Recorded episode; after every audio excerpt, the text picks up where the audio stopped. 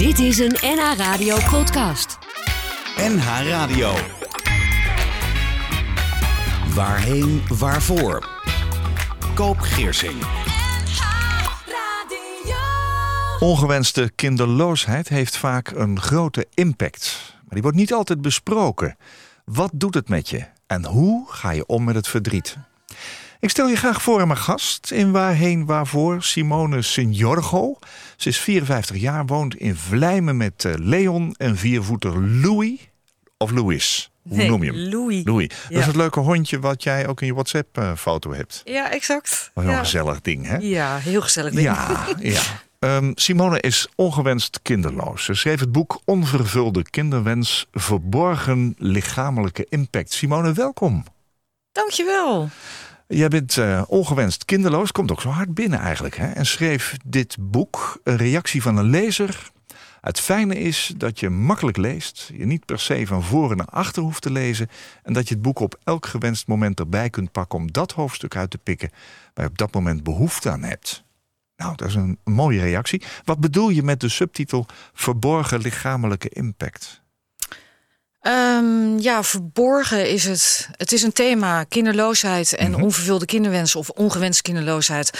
eh, is echt een verborgen fenomeen. Taboe eigenlijk? Taboe. Ja, er wordt heel weinig over gesproken eh, in de openheid. Het gebeurt meestal achter gesloten deuren. Ja. Ehm, en doordat het eigenlijk achter gesloten deuren plaatsvindt, betekent dat dat het feitelijk alleen maar in je lichaam plaatsvindt, dat je het ervaart. En daar wordt heel weinig over gesproken. Dus iemand ervaart onwijs veel in zijn lijf en in zijn hoofd. Gaat van alles door, door je heen. Ja. Ehm, en daar wordt weinig over gesproken. Dus het is een verborgen lichamelijke, maar ook een relationele impact. En die impact ehm, zorgt vaak voor implosie, zoals ik dat noem, Ja. of explosie. ja, naar binnen of naar buiten? Naar binnen of naar buiten, maar meestal wel eh, binnen, ja, binnen de personen vanuit een veiligheidszone. Ja. Maar verborgen, ja, het is gewoon echt verborgen, ook in de maatschappij. Heb jij dat in je naaste eh, zeg maar, omgeving meegemaakt? Dat mensen dat, dat onderwerp mijden naar jou toe? Eh, ja, veel meegemaakt en nog steeds. Nog steeds? Ja, nog Ja? steeds. Worden vragen gesteld? Welke vragen hoor je dan? Ehm, nou, het is meestal dat er geen vragen gesteld worden, maar dat niet. er, nee, dat er stilte valt. Oh ja. Nog steeds. En eh, zelfs ook met mijn boek. En dat ze weten dat ik, eh, dat ik er in de praktijk mee werk. Ja. En dat ik er eigenlijk heel makkelijk over spreek. Eh, maar dat geeft ook al aan hoe lastig het is. ja. Omdat het meestal al iemand eh, zelf... Dus hè, als ze bij mij iets aan vragen of in stilte blijven... dan weten ze vaak niet wat ze moeten zeggen. Nee. Vroegen ze maar wat dus eigenlijk. Ja, of eh, alleen al... kunnen hebben. Ja, of je, of je zegt, ik, ik weet gewoon even echt niks te zeggen. Het Ja. komt me binnen. Of eh, jeetje, dat, dat is wat. Eh, dat is al, ja, weet je, dat, dat kan al genoeg zijn. Of vertel er eens over. Vertel eens. Ja. En dat ga je doen vandaag hier Ja. in eh, Waarheen Waarvoor. Ehm, Simone Signorgo is mijn gast. Als lichaamsgericht psychotherapeut en relatietherapeut ondersteunt Simone vrouwen en mannen bij alles wat ze tegenkomen voor, tijdens en na fertiliteitstrajecten, vruchtbaarheidstrajecten. Hè? Ja. Maar ook bij de verwerking van miskramen, afgebroken zwangerschap, ongewenste kinderloosheid of bij het maken van keuzes bij adoptie, draagmoederschap, sperma of eiceldonatie. Ik praat in deze aflevering van Waarheen Waarvoor met Simone over haar boek Onvervulde Kinderwens. De Amerikaanse zen-boeddhistische lerares Joan Halifax zei ooit: Als je heel bezorgd bent of als je leven heel versnipperd is, kun je altijd terugkeren naar je ademhaling. En daar zo lang blijven tot je weer vaste grond onder de voeten hebt. Ben je het daarmee eens, Simone? Helemaal. Ja? Belangrijk, hè? Ademhaling. Ontzettend belangrijk. Ja, het is zo'n fijne tool die iedereen bij zich heeft. En die je altijd kan inzetten wanneer je verdriet of pijn of met rouw of met iets te maken hebt. Ja. En het helpt je, nou ja, het helpt je gronden. Het is een belangrijk onderdeel in jouw boek ook. Hè? Want je hebt een, bepaalde methode geïntroduceerd waar ademhaling een heel belangrijke is. Daar kun je allerlei oefeningen in doen. Je hebt eigen praktijk. Je hebt veel studie verricht. Ademtherapie, daar heb je hem al. Eh, NLP, hè, neurolinguistisch programmeren. Systemisch werk. En uiteindelijk de studie lichaamsgerichte psychotherapie. Jouw boek Onvervulde kinderwens ontwikkelde jij speciale mensen concrete stappen te laten zetten in het omgaan met die onvervulde kinderwens, die er wel is, maar niet tot stand komt. Je introduceert de balansmethodiek, ik zei net al even, afkorting van diverse onderdelen. En ademhaling is daar eentje van. Laten we even teruggaan naar jouw eigen verhaal, tenslotte de aanleidingen voor hoe jij nu anderen helpt. Jij wilde heel graag kinderen, maar dat lukte niet. Hè? Als kind was jij zelf, heb ik gelezen, vaak ziek. Hoe, hoe heeft dat jou gevormd? Wat heeft dat met jou gedaan? Ehm, ja, dat heeft veel met mij gedaan. Als je als kind ziek, als, toen ik als kind veel ziek was, ben ik veel alleen geweest. Ja, ben thuis. En uh, veel thuis, uh, veel ziekenhuisbezoeken, um, ja, behandelingen. Dus dat heeft, dat heeft mij wel degelijk gevormd. Om, omdat, omdat ik voor een groot deel niet meedeed in, ja, in de samenleving, noem het dan maar even de klasse. Sociale, sociale dingen. Ik kon bijvoorbeeld niet meedoen met zwemles en dat soort dingen. om redenen. Ja, dus dat heeft me heel erg gevormd, ja. Ja, ja. En zou je, ben je daar sterker uitgekomen? Kun je daardoor dingen die je anders misschien niet gekund had? Jezelf beter vermaken misschien? Of? Ja, het is dubbel. Ik ben er sterker uitgekomen uh, door uh, overlevingskracht, door wilskracht, door, uh, door zeker door te gaan en door echt ehm, ja, er wel bij te willen zijn op school. En ja. dus door mijn huiswerk te blijven doen en dat soort dingen. Uh, tegelijkertijd heeft het ook een keerzijde gehad. Doordat ik, me, doordat ik veel alleen geweest ben in dat ziek zijn, ben ik ook veel dingen alleen gaan doen. En daardoor heb ik weer minder geleerd om met mensen uh, ja, over dingen te praten en om hulp te vragen. Had je in die tijd wel vriendjes, vriendinnetjes? Jawel, die had ik wel. Okay. Uh, zij het beperkt. Ja. Maar ja, dat, dat heeft, het heeft me in die zin gevormd. Uh, dat ik me aangeleerd heb om vooral dingen alleen te blijven doen. Ja. Omdat ik dacht, kijk, als ik het alleen doe, dan weet ik in ieder geval dat het ook goed gebeurt. Oh ja. Een soort vertrouwen in jezelf wel sterker geworden. Daarom. Exact. Ja. Dus ja, dus het, is een beetje, dus het is een beetje dubbel. Ja. Heb je toen veel school gemist ook? In de zin van dat je ook uh, achterstand hebt opgelopen? Uh, ja, ik heb veel gemist. Ik heb ook achterstand opgelopen, maar daarvoor heb ik dus thuis ontzettend veel uh, gedaan. En dat hebben mijn ouders ook altijd gezegd. Ik bleef gewoon uh, huiswerk maken om, om toch uiteindelijk zoveel mogelijk op school aanwezig te zijn. Ja, ja. ja. Wat, wat voor gezin was het? Was het uh, vader, moeder, broertjes, zusjes? Uh, vader, moeder. Ik heb een oudere zus. Uh, dus uh, twee, uh, we zijn met z'n tweeën ja. thuis, om ja. maar zo te zeggen. Gezin ja. met vier. Met gezin met vier, ja. Ik heb gelezen dat moeilijke dingen bij jou thuis niet zo besproken werden. Nee. Is je dat later pas opgevallen? Of, of hoe ben je daar zo, zo zeg maar, toe, toe Ja, uh, kijk, als kind, je, le je leeft als kind in, in een setting. En uh, het is me wel ergens onbewust opgevallen. Omdat ik, uh, ja, ik was vrij uh, ad rem en ook eerlijk. Dus als ik dingen hoorde waarvan ik dacht, hè, het zit toch anders in elkaar? Of hoe zit dat dan? dan? Dan werd er al vaak gezegd van ja, maar daar gaan we het niet over hebben. En dan heb ik het ook, ook bijvoorbeeld over de dood. Hmm. of over zwanger worden of over vriendjes. oh, echt waar? Ja. Ja, en dat waren. Dus dat heb ik wel gemerkt. Ja. Alleen uh, pas later, als volwassene, ben ik me er bewuster van geworden. Van goh, dat zijn wel onderwerpen die heel erg bij het leven horen.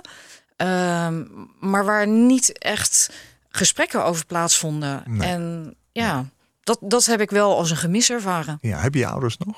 Ja, zeker. Ze ja. leven nog. Ja. Betekent dat dat je nog steeds niet over moeilijke dingen met ze praat? Het is, uh, het is lastig om met, ja. uh, met hun over bepaalde dingen uh, te praten. Omdat ja. het, en zoals ik vaak zeg, als het, als het moeilijk is en het raakt hun, zeg maar, dan vinden zij het lastig om erover te praten. Dan kan ik er wel misschien makkelijk over praten. Ja. Maar ja, je hebt in een dialoog heb je ook ja, een, een hoe zeg je dat? want nou ja, het je hebt van twee kanten komen. Ja, moet van twee kanten ja, komen. Ja, dialoog. Ja. Klopt. Ja, en, en daarin zit ook een bepaalde generatie natuurlijk ook. Er zijn bepaalde. Mijn ouders zijn. Uh, nou, mijn moeder bijna 90. Um, ja, zij, zij komen uit een andere uh, tijds. Absoluut. Uh, pad. En daar werden ook bepaalde dingen minder besproken. Je kunt het ook niet aanrekenen, begrijp ik nee, ook wel. Helemaal niet. Nee, Doe ik ook niet. Nee. Uh, voor de een is het gewoon wat makkelijker over dingen te praten ja. dan de ander. Ja. En laten we wel zijn over, over dit thema. Ik kon daar eerder ook niet zo over praten zoals ik er nu over praat. Dat is, dat... Heb je ook moeten leren? Ja. Ja, ja. ja want ik, ik heb me wel afgevraagd, wat doet zoiets met je eigen ontwikkeling? Maar je hebt het ingehaald, zullen we zeggen. Ja, ik heb het ingehaald in die zin op het moment dat ik daar zelf uh, falikant in het leven tegen van alles aanliep. Burn-out onder andere, maar ik zakte letterlijk door mijn hoeven. Ja. Uh, ben ik hulp gaan vragen en ben ik uh, bij een therapeut terechtgekomen. Ja. En ja, dat daar ben ik eigenlijk altijd bij gebleven. Wel verschillende mensen, maar om, om mijzelf daarin te ontwikkelen. En toen ben ik erachter gekomen wat het doet wanneer je je kunt uiten over iets wat je dwars zit. En op een constructieve manier kunt uiten wat je dwars heel zit. knap dat je die vraag dus gesteld hebt. Dat je hem durft te stellen. Dat je ook kwetsbaar hebt opgesteld. Ja, ik, ik ben door mijn hoeven gezakt. Ja. Dus ja. er was eigenlijk niks meer. Uh... Je bent uh, begonnen als operatieassistente? Ja. Waar was dat? In het Sint Franciscus gasthuis in Rotterdam. In Rotterdam, ja. ja. Wilde je uh, de zorg in? Hoe zag jij je toekomst zo'n beetje toen, uh, toen je 18, 19 was? Um, nou ja, ik wilde altijd wel graag dierenarts worden, maar dat, uh, dat liep wat anders. Waarom? Um, omdat, uh, ja... Waarom liep het anders, bedoel ik? het, liep, het liep anders. Uh, de, in de tijd dat ik uh, eigenlijk voor die studie wilde kiezen... waren er maar zo'n 40 mensen die diergeneeskunde zouden kunnen doen. Uh, daarbij had ik mijn eindexamen op dat moment niet gehaald. Dus dat was nog een complicerende factor. Ja, dan kun je niet verder. Uh, dus dan kan je, dus nee. dan kan je niet verder. Um, en nou ja, het, uh, ik ben het huis uit gegaan. En ik wilde wel een inkomen voor mezelf genereren. En tegelijkertijd ook leren. Ja. Dus toen ben ik operatieassistente geworden. Dus ja. zo ben ik de zorg ingegaan. Maar ik heb altijd wel het gevoel gehad, ik wil die zorg in. Ja, ja. dus dat heb je ook gedaan. Dat heb ik ook gedaan. Wilde je toen kinderen? Van het begin af aan al. Ja? Ja. En wat is vanaf het begin af aan? Wanneer ja. wist je dat al? Uh, zolang ik kind ben eigenlijk. Ja, ja ik, ik heb altijd al rondgelopen. Ik wil een grote boerderij, veel kinderen. Oh ja. Ongelooflijk veel beesten. En uh, ja, dat wordt uh, één grote schare ja. van gezelligheid. Ja. En ja, dat. Ja. Maar wilde je dat al meteen toen je ook operatieassistente werd? Um, ja, ook. Um, het, werd, het is toen wat meer op de achtergrond uh, gekomen. Ja. Omdat ja, dan, dan ben je een volwassen vrouw aan het worden. Uh, bent een, uh, kijk aan het, welke carrière ga ik maken. Ja, waar ja. ga ik mee in Kinderen komen wel. Kinderen komen wel. Oh. Dus toen is het wat op de achtergrond gekomen. Maar ja. ik had toen de tijd wel een vriend ook. En daar hebben we het hebben we toen ook vaak over gehad. Van, goh, uh, hoe sta jij daarin? En hij stond daar heel positief in en Ja. ik ook. Alleen het was die timing nog niet om daarvoor te kiezen. Nee. Eerst even flink op gang en Ja. wat werkervaring opdoen en daarna komt dat gezin. Ja, Het is anders gelopen, hè? het is heel Ja. anders gelopen. Ja, gaan we het zo over hebben. Eh, je- Ik heb jou gevraagd, dat vraag ik iedere gast in Waarheen Waarvoor. Neem nou eens drie liedjes mee die op jouw uitvaart misschien wel gehoord moeten worden. Was dat een lastige opgave, vraag ik dan ook altijd maar even. Nee, helemaal niet. Denk je wel eens over je eigen dood na in je uitvaart? Ja, zeker. Ja? ja. Je hebt er drie gevonden en ja, ook eigenlijk hele drie hele mooie liedjes. We gaan als eerste naar eh, Elton John. Waarom heb je gekozen voor The Circle of Life? Eh, Circle of Life eh, zegt alles over het leven. over dat eh, het leven doorgeven. Dat is natuurlijk ook in het kader van kinderloosheid. Maar ehm, ja, ik geef ook dingen door op een andere manier. En die film die is persoonlijk voor mij heel erg belangrijk geweest in een periode van mijn leven. Ehm, om- een periode dat ik naar eh, Praag verhuisd ben. En toen kwam die film uit. En die film die heeft mij toen ook in die periode geholpen eh, met de verhuizing. Maar ook in de eerste periode dat ik te horen kreeg dat ik eigenlijk geen kinderen zou kunnen krijgen.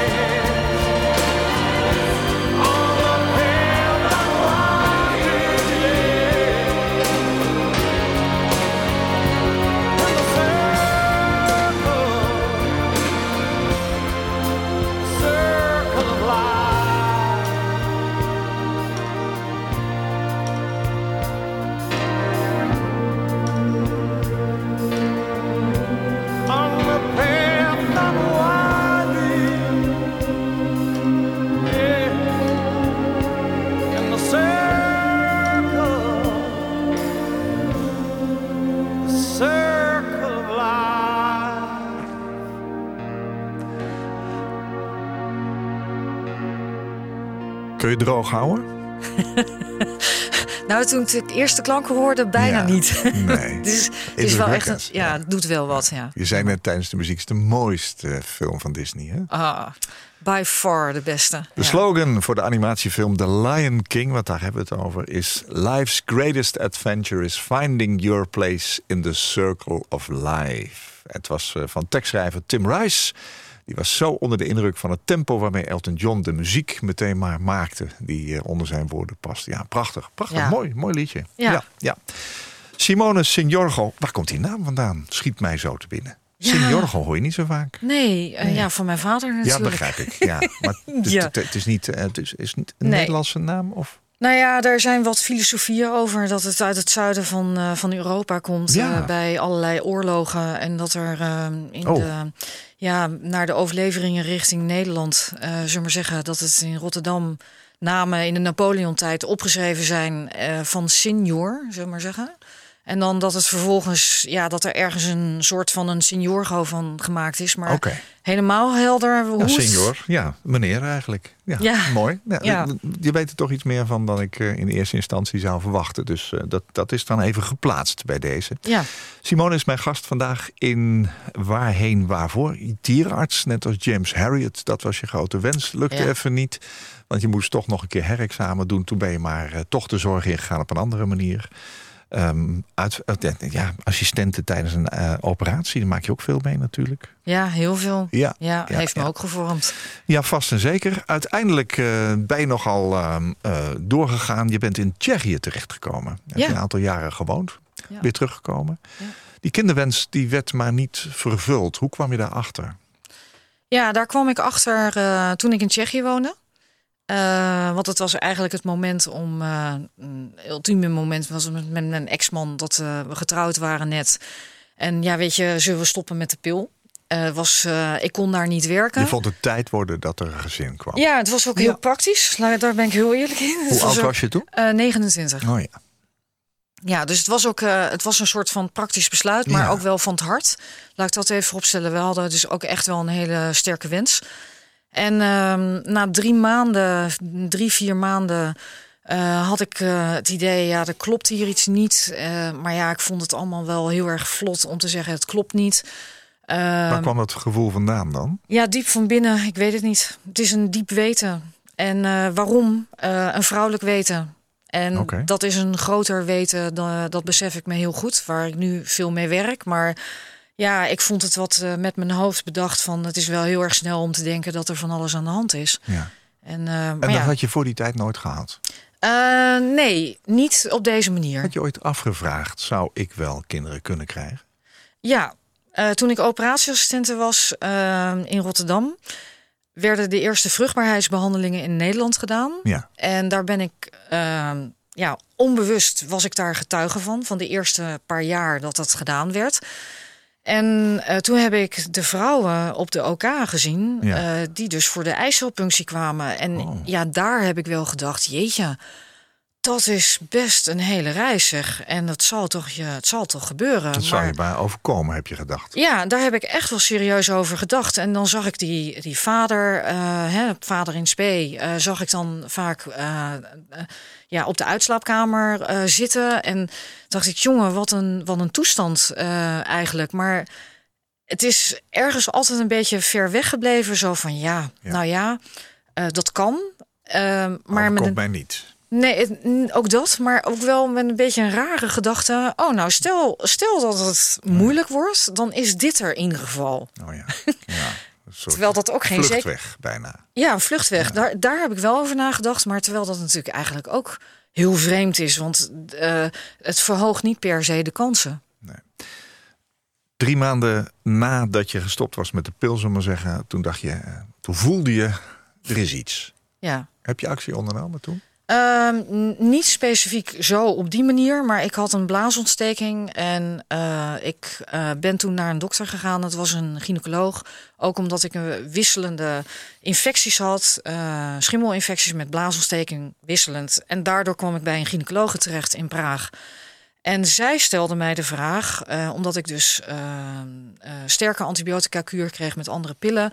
En toen vroeg ze dus, heel terecht, heb je een kinderwens? Want als je zwanger wil worden, is dat niet zo heel erg handig. En vandaar dat zij toen aan mij vroeg van, heb je die kinderwens? En toen heb ik gezegd ja.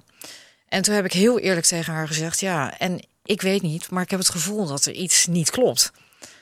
En zij is, en dat was verbazingwekkend. Zij zei onmiddellijk: Oké, maar dat is heel belangrijk. Ik geloof daarin, daar moeten we iets mee doen. En toen heeft ze voorgesteld om een onderzoek te doen bij mijn ex-man. Eh, weliswaar niet gelijk diezelfde maand. Eh, maar de- eh, en daar kwam toen uit dat mijn, mijn ex-man verminderd vruchtbaar was. En toen is het hele circus gaan lopen, waardoor ik al vrij snel ook onderzocht werd. En Ja. bleek dat ik een misvormde baarmoeder heb.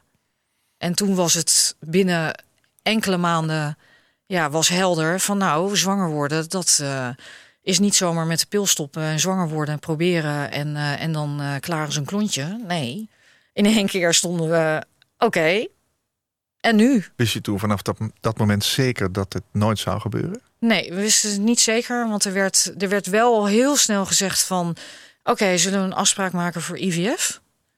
Ehm, maar het werd niet uitgesloten dat een zwangerschap op natuurlijke manier nog mogelijk zou zijn. Het werd niet uitgesloten. Het zou moeilijk worden. Heb je daaraan vastgehouden? Heb ik me aan vastgehouden. Ja, dat blijft. Ik bedoel, het, de brug naar binnen een paar weken, een maanden eigenlijk, horen dat het heel moeilijk zou zijn.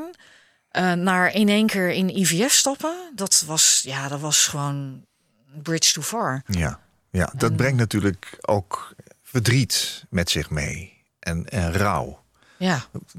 Hoe ging je daarmee om? Hoe heb je dat verweven in je leven, zeggen we altijd? Nou ja, ik, ik besefte me helemaal niet dat ik in rouw was. Ik heb veel verdriet gehad. Het was meer onmacht. Het was ook boosheid. Eh, maar ook iets heel eh, merkwaardigs. Oh, maar dat weet je, dat kun je wel zeggen. Eh, maar het oude overlevingsmechanisme van mij. Oh Maar dat, eh, dat varkentje gaan wij wassen. Oh ja? Ja. Ja. ja, dat gaan wij gewoon doen. Ja. Wij zijn statistisch de uitzondering. En eh, let maar op, dat gaat gewoon lukken. Ja. Maar dat is later realiseerde ik me ook een onderdeel van rouw. Dat dat een overlevingsmechanisme is. ja, Welk traject ben je ingegaan? Ehm, ik ben traject, we zijn het traject ingegaan van kunstmatige inseminatie. Eh, in eerste instantie ook wel eh, voedingsverbeteringen, vitamineverbeteringen met hormonen, eh, met mijn ex-partner, man. Vervolgens kunstmatige inseminatie. Dat is toen niet gelukt. En uiteindelijk hebben we toen besloten: oké, ehm, dus dan ben je alweer een paar jaar verder met IVF. En IVF zijn we gaan doen op het moment dat we vier jaar later terug waren in Nederland. Ja. En dat was toen al heel snel. Na de eerste poging werd toen al duidelijk: gaat hem niet worden. Nee. Ehm, wat deed het met jullie relatie? Ja, het heeft eh, veel impact gehad. Eh, onbewuste impact. Ehm, stiller worden, eh, wel dingen willen bespreken en ook besproken, maar het echte ei op tafel over waar het verdriet in zit, kwam niet op tafel. En Waarom dat, niet? Ja, dat was weer die herkenning ook wel van vroeger. Het van mij uit, huis Kwam ook uit. niet vanuit jou dus? Nee, ik. nee, Ik, heb dat, ik heb dat zelf ook niet echt toen. ehm, ik heb dat niet zo meegekregen om zoveel gevoelens op tafel te leggen. Ja. Ehm, dus ik sprak er wel over, maar het was meer over de feitelijkheid en niet zozeer over wat het echt met mij deed. Nee. En dat was met mijn ex-partner. Hij is nu niet hier, dus ik wil ook niet te veel voor hem spreken. Maar. Dat was, dat was in wezen voor hem eh, op zijn manier ook zo. En daarin ontmoet je elkaar dus eigenlijk in het diepste verdriet toch niet helemaal. Nee. En we zijn eh, heel gelukkig geweest eh, met elkaar. Ja. Maar toch op de een of andere manier daarin langzaam ook van elkaar verwijderd geraakt. En of dit nou de echte reden alleen maar geweest is, nee, natuurlijk niet. Er speelt natuurlijk veel meer een rol. nee. Maar het heeft wel degelijk impact gehad op onze relatie. Ja. Ja. Hiermee help je ook andere mensen op dit moment. Dus je hebt het ook Ja. op enig moment eh, omgedraaid in je leven. ja. Daar gaan we het zo meteen over hebben. Dat staat ook in jouw boek Onvervulde Kinderenwens. Eh, die heb je trouwens heel mooi opgedragen aan jouw eh, huidige situatie. Want er staat boven Leon en Louis. Bedankt voor wie jullie zijn. Voor alles wat jullie doen. Altijd recht uit het hart. Nooit omdat het moet. Dus je, je partner en, en de hond, hè? En de hond, zeggen. ja. ja, dat is leuk. Ja. En je hebt ook gezegd, eh, dit boek is mijn kindje. Ja, Daar was ik even van onder de indruk. ja, Dat is mooi dat je dat zegt. ja. Ja. Ja, het is. eh, kijk, ik, ehm, veel eh, mensen vinden het, als ze kinderen krijgen. Hè, eh, ja, krijgen is altijd zo'n ook weer een woord. Maar ehm, dan wil je graag kennis meegeven. Je kinderen de steun en toeverlaat zijn, zeg maar, in het leven. Ja. Eh, meegeven wat je zelf eigenlijk ook hè, meegegeven hebt in het, of hebt ervaren in het leven. Nou, ik heb heel veel ervaren in het leven. En dit Ja. is wat ik doe op mijn manier. Dat is ook een beetje jouw biografie bijna, hè? Ja, het is mijn biografie, maar ook eh, ervaringen en kennis. Ja, zeker. En- Het is een heel mooi boek. We gaan het er zo nog wat Ja. uitgebreider over hebben. Want het staat ook vol met eh, allerlei tips en tricks. Meer dan 100 heb ik gelezen. Ja. Eh, dus het zijn er nogal wat. Je kunt mensen echt helpen. Voorop staat, ik weet hoe het voelt. En ook hoe je weer gelukkig kunt worden. Dat is nogal een belofte. Gaan we zo naar kijken. Drie liedjes had je bij. We hebben net naar dat hele mooie eh, stuk van Elton John geluisterd. Wat staat er als tweede op je lijstje? Als je het nog weet, hè? Eh, Dana, Dana eh, Moet ik je even volgens helpen? mij Dana. hè? Dana Winner? Ja, Ja. dat klopt, ja. Ehm, het is zo dat ehm, je hebt gekozen voor een live versie van een Belgisch televisieprogramma. Ja. Waarom raakte je dat zo? Ja, de vertolking van dit nummer van Whitney Houston is zo eh, tot in de vezel, in de snaar, om te geraakt te worden. Eh, dat, ja, dat, en dat is, wat het, dat is wat muziek doet. Ja. En dat is wat, wat, eh, wat ik heel belangrijk vind om bij mensen over te brengen. One Moment in Time.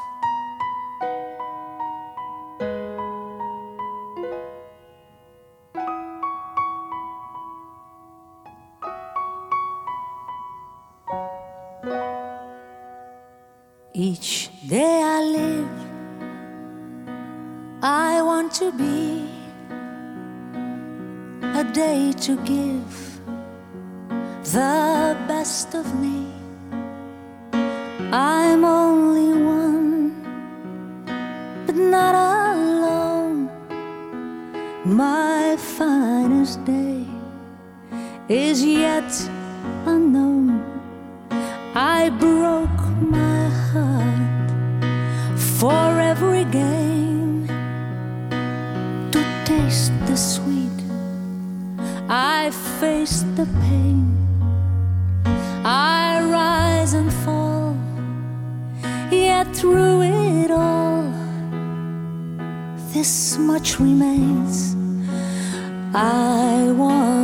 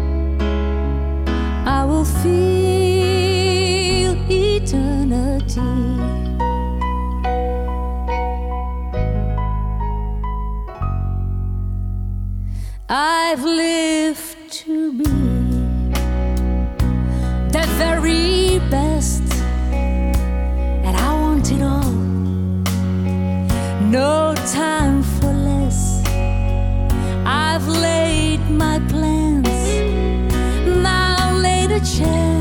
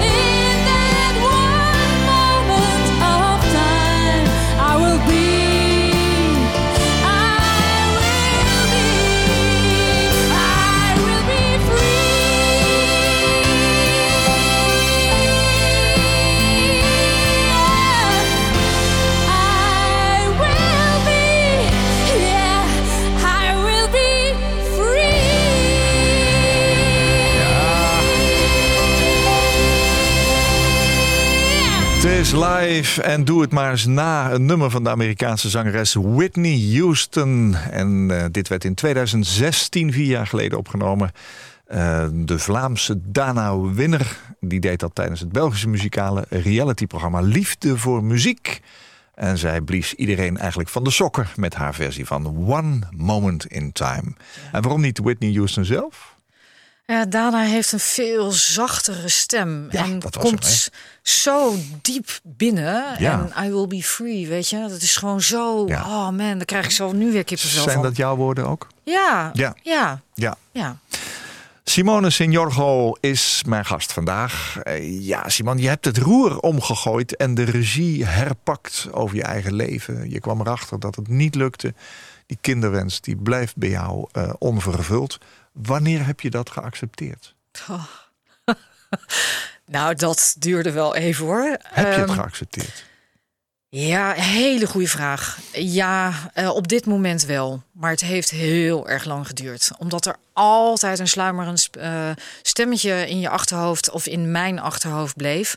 En eigenlijk op het moment dat ik het, dat ik het echt achter me gelaten heb, ook helemaal achter me gelaten heb, is eh 2,5 jaar geleden. Eh, ja. Toen ik in de menopauze terechtgekomen ben en feitelijk ook mijn praktijk omgegooid heb. Ja. Dus dat ik me helemaal ben gaan richten op vrouwen en mannen die een onvervulde kinderwens hebben. Ja. Eh, en dat klinkt heel raar met die menopauze, maar dan weet je gewoon, dan als vrouw, het gaat dus nooit echt meer lukken. Ook al slaat dat helemaal nergens op, want het zou sowieso niet gelukt zijn. Maar Nee. Maar in ieder geval, ehm, iedereen van jouw leeftijd, iedere vrouw van jouw leeftijd zou je kunnen zeggen, die in die fase komt, die kan zeggen, nou, de kinderen lukt niet meer. En daar ben je nu ook een van geworden. ja, ja. Ehm, heb je ooit gedacht, er zijn misschien inmiddels wel ehm, methodes die mij destijds hadden kunnen helpen? Zijn dat gedachten die je altijd nog, die fladderen door je hoofd? Eh, ja, ik heb daar wel eh, over nagedacht. Het is gefladderd. Ja. En het, ik heb daar wel ook wel eens twijfels over gehad. Maar uiteindelijk, nee. Ik heb, toen, ik heb destijds de beslissing genomen om te stoppen. Ja. Of we hebben toen de beslissing genomen. En dat was oké. Eh, ik was er ook wel klaar mee. En dat, dat- ook dat is heel dubbel. Ja. Je hebt nog steeds de wens en toch ben je er ook heel erg klaar mee. Ja, 2,5 jaar geleden dacht je, en nu ga ik mensen helpen. Hè? Nu ga ik datgene wat ik zelf heb meegemaakt omzetten. Je ondersteunt cliënten, zullen we maar zeggen, bij rouw, verlies, pijn, verdriet, onmacht, onzekerheid, onveiligheid zijn nogal wat dingen. Je leert ze meer te ontspannen voor rust in het hoofd. Hè? Wie heeft dat niet nodig? Vertrouwen in zichzelf, in hun lichaam en hoe ze beter kunnen omgaan in hun relaties en emoties. En geeft zelfs trainingen aan coaches, therapeuten en zorgprofessionals. Hoe helpt die hele ehm, praktijk jou zelf? Ja, dat, dat, dat blijft natuurlijk ook een. Ja? Ja, ja op het moment dat je eh, therapeut bent of coach bent. ehm, ik zeg altijd, wie, is, wie leert wie wat? Ehm, natuurlijk leer je altijd van de mensen die tegenover je zitten. Ja. Dat, is, dat is altijd in elk gesprek. Eh, maar het kan natuurlijk niet zo zijn dat is dat, eh, dat mijn cliënten mij iets gaan leren over een thematiek dat ik, dat ik daar niet klaar mee ben. Nee. Nee, dat zou, zou, dat zou een hele slechte zaak Ja, zijn. maar, maar door naar ze te luisteren en dat naast je eigen gevoel te leggen, zou ik me kunnen voorstellen dat je misschien ook iets zelf in je eigen leven daarvan meeneemt. Gebeurt dat? Jazeker, Ja. natuurlijk. Ja. Er, er zijn. eh, eh, iedereen heeft een bepaalde zienswijze of Ja. een bepaalde visie. En het is altijd mooi om weer te horen hoe zij daar naar kijken. Ja. En dat doet altijd wat weer met mij, want daarin ga ik ook weer reflecteren. En zo, ja, zo hoort het. In het boek begin je eh, vrij in het begin met de vier rouwtaken. Dat is een hele bekende, ook voor mij als uitvaartverzorger. De werkelijkheid van je verlies onder ogen zien, hebben we het over gehad. Hè? De pijn van het verlies ervaren, er doorheen gaan. Aanpassen aan de wereld na het verlies van je kinderwens. Want ja, je verliest iets. Hè? Je bent iets kwijt wat altijd in je hoofd zat. En opnieuw leren genieten van het leven en herinneren. Eh, jij belooft, heb ik al gezegd op de voorkant... ik weet hoe je weer gelukkig kunt worden. Dat doe je met oefeningen en die balansmethodiek. Balans is dan in dat geval een afkorting. Hè? Het zijn B-A-L-A-N-S. We hebben het al even gehad over de A van ademhaling. Ja. Waar staat de B voor? Bewustwording. En de Ja. L? De L voor het lichaam. de A voor de tweede A voor aanraking. Een nieuwe weg, nieuwe route, om het maar zo te zeggen. En samen verder. En samen verder kan eh, heel breed zijn. Dat is niet altijd met een partner. Dat kan ook zijn samen verder met vrienden, collega's. Heel breed. Ja, in het boek staan meer dan 100 tips, eh, eh, waarvan de meeste niet langer dan 2 tot 5 minuten ongeveer kosten om, om eh, al ontspanning in het lichaam te voelen. Dat is nogal een belofte hoor. Ja. Ik, ik, ik moet het zelf eigenlijk uitproberen. Eh, verder is er toegang tot 22 video's waarin je oefeningen toelicht. Het boek kun je van voor naar achter lezen, maar ook andersom heb ik al verteld. Ehm, ja, een onvervulde kinderwens kan heel veel met je doen. En jij zegt dus, eh, ik weet hoe het voelt en ook hoe je weer gelukkig kunt worden. Ben jij nu gelukkig? Ja. Ja. ja. Ja, het, het heeft gewoon een andere plek gekregen in, in mijn leven. Eh, je noemde het er net al heel mooi. Het gaat over het verweven in je leven. Eh, kijk, rouw is, kan heel rauw zijn. Het heeft tijd nodig om de nieuwe werkelijkheid waar je in terecht gekomen bent, om die te accepteren. Daar gaat gewoon tijd overheen. En dat is, ehm, ja, daar kan ik niet van tevoren zeggen, daar ga je zo lang over doen. Eh, dat is voor iedereen verschillend. Ja. Maar de mate waarin je mm, voor jezelf kiest om de pijn aan te gaan, zoals met die vier rouwtaken, en dat je een omgeving ook creëert voor jezelf waarbij je hulp vraagt en waarbij je dat samen ook kunt doen, maakt wel dat je eh, daar steviger in wordt en niet dat je het altijd kunt versnellen. Maar dat je, mm, ja, dat je je gesteund kunt voelen. Ja. En dan betekent het dat je wel degelijk nog verdriet kunt hebben van iets. En ook gelukkig kunt zijn Ja. over nieuwe dingen die langs zij komen. Ja, mensen zijn niet 100% gelukkig. Hè? Dat bestaat niet. Nee. Er zijn altijd natuurlijk ook eh, andere Nee. gevoelsmomenten. Ik heb ook momenten dat ik echt denk, nou, jongens, is dit het dan? Ja, en ja, Het boek is opgedragen aan Max. ja, Max. Wie is dat? Max. Eh, Max ehm, was mijn imaginaire, of is mijn imaginaire kind. En dat is eigenlijk het kind wat ontstaan is op het moment dat de kinderwens eh, tussen mijn ex-man en mij ontstond. En eh, vanaf het moment dat we eigenlijk wisten dat zwanger worden moeilijk zou zijn, hebben we ehm, ja, tijdens de behandelingen eh, vaak gehad over imaginair, een imaginair kind. En toen Ja. hebben we gewoon samen afgesproken: goh ja, laten we Max een naam geven. Want we hadden het over een hij altijd. En zo is Max ontstaan.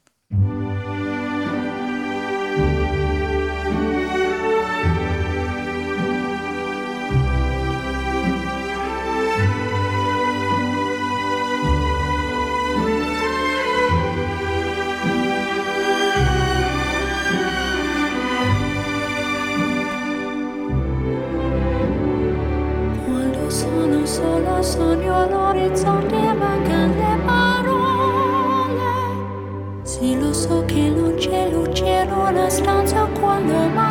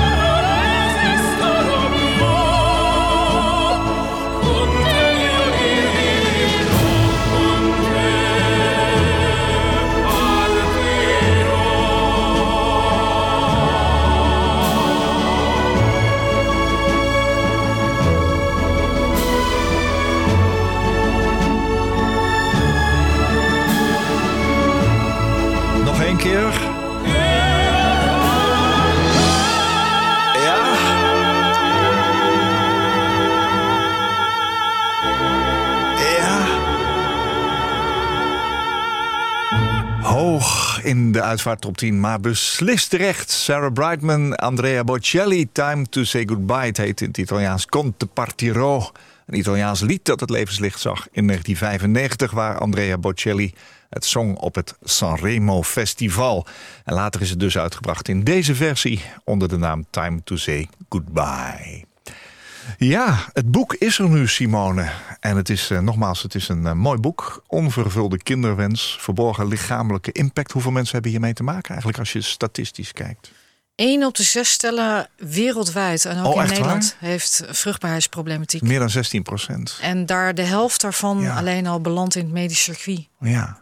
Ja. dus zwanger worden is niet vanzelfsprekend. Nee, dus je kan eigenlijk nooit zeggen, ik neem kinderen. Nee. Vind ik zo hard klinken nee. altijd. En heel veel mensen hebben dus met onzichtbaar verlies en rouw te maken. Ja, ja. ja. En verdriet, wat En daarbij verdriet. hoort. Ja. Jij helpt ze in dit boek. Ehm, jouw kindje, heb je gezegd. Ja. Opgedragen aan Max, jouw imaginaire kind.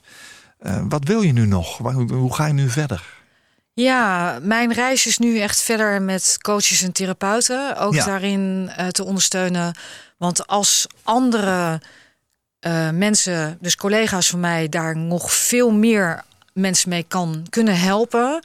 Ja, dan is het als een olievlek in de wereld. En Ja. dat is wat ik wil neerzetten. Ja, dat snap ik. Mijn gast in deze aflevering van Waarheen Waarvoor was Simone Signorgo. Ze heeft een eigen praktijk, steunt vrouwen en stellen bij vruchtbaarheidsbehandelingen en in het proces van ongewild kinderloos zijn. Het is haar wens dat vrouwen en stellen die ongewinst kinderloos zijn weer volop kunnen genieten van hun leven zonder kinderen.